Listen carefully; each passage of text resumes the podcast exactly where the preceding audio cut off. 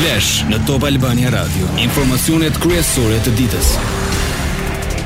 Përshëndetje, këto janë lajmet e orës 16. Përshëndetje. Sot mbushen 15 vjet nga shpallja e pavarësisë së Kosovës. 17 shkurt 2008 ora 15:39 hyri në histori në një mbledhje të jashtëzakonshme të Kuvendit ku merrnin pjesë 109 nga 120 deputet, U bë deklarimi i Kosovës shtet i pavarur, sovran e demokratik. Tani Kosova është nën presion të madh për të formuar Asociacionin e Komunave Serbe sipas marrëveshjes së dy mijë e trembëdhjetës me Serbinë, por vitet kaluan dhe janë të shumtë ata që shprehen kundër këtij asociacioni duke e konsideruar strukturë që do të çonte në bosnjëzimin e Kosovës, Me këtë i referohej Republikës Sërpska në Bosnje, kundër asociacionit doli dhe qeveria Kurti.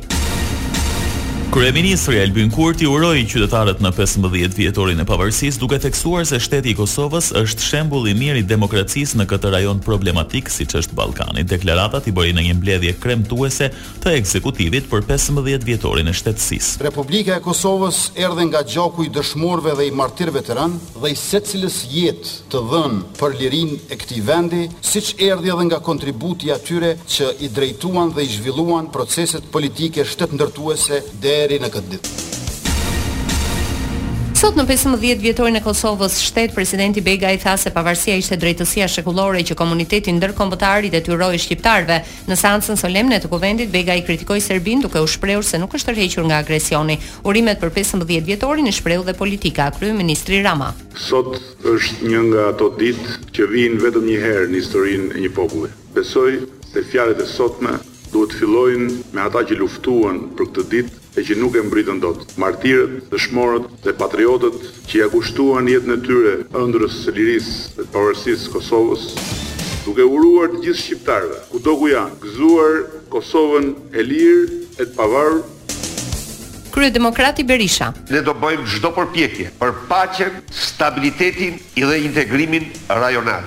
Zoti e bekoftë Kosovën e pavarur Zoti i bekoftë shqiptarët kudo që janë.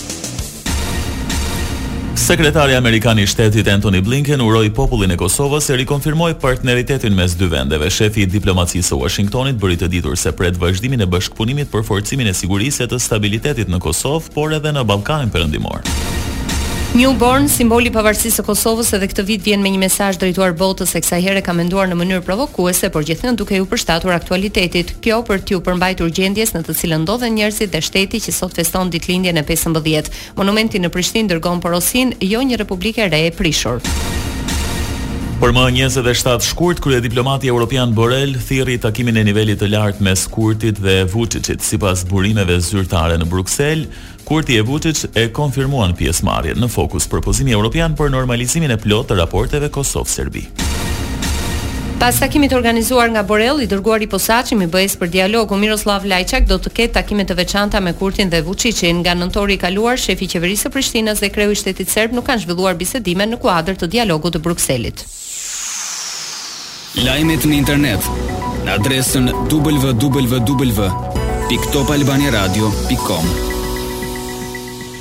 Shpallet konkursi ndërkombëtar për projektin e Muzeut Besa, e që do të zhvillohet në dy faza. Në të parën e aplikimit, kandidatët duhet të paraqesin koncept paraprak. Juria përzgjedh pesë skuadrat dhe konceptet më të mira që mund të vazhdojnë punën për në fazën e dytë, ku juria të shqyrtojë propozimet e të përzgjedhurve para se të shpallet fituesi. Të një tjetër moment shumë i rëndësishëm për historinë dhe për zhvillimin urbanistik dhe për arkitekturën e Tiranës dhe më në fund besoj që mund të marrim frymë të lehtësuar nga një barrë e kahershme detyrimi në raport me fëmijët tanë dhe në raport me vizitorët e vendit tonë që lidhet me Mbase faqen më të lavdishme të historisë së shqiptarëve, shpëtimi i ebrejve gjatë Luftës së Dytë Botërore. Kryeministri Rama.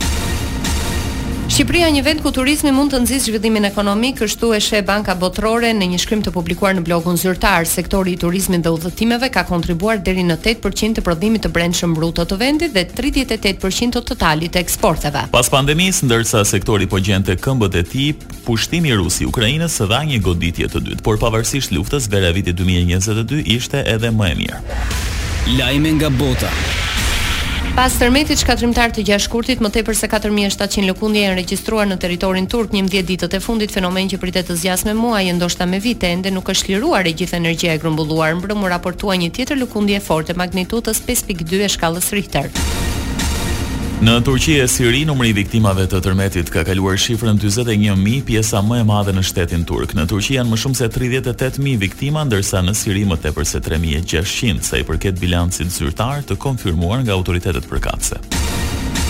Bashkimi Evropian dha 5.5 milionë euro ndihma humanitare për Turqinë dhe 10 milionë për Sirinë për t'iu përgjigjur nevojave urgjente të popullsive të prekura nga tërmeti. Në veçanti ndaj Turqisë janë përfshirë 18 vende anëtare, që ofruan miliona artikuj, pesë të tjera, mes tyre Italia, dërguan ekipe mjekësore. Drejtuesit më të lartë të Kinës shpallën fitore vendimtare në luftën kundër pandemisë pavarësisht akuzave se Pekini nuk po tregon numrin e saktë të viktimave nga Covid-i. Por në një dokument nuk përmend numrin e saktë të viktimave të shkaktuara nga vala e virusit që goditi Kinën dhjetorin e kaluar kur braktisi strategjinë e zero rasteve me Covid. Dëgjuat një përmbledhje të zhvillimeve kryesore të ditës. Edicioni informativ i radhës është në orën 17. Unë jam Doriana Lato. Unë jam Edi Hallaçi. Kjo është Top Albania Radio.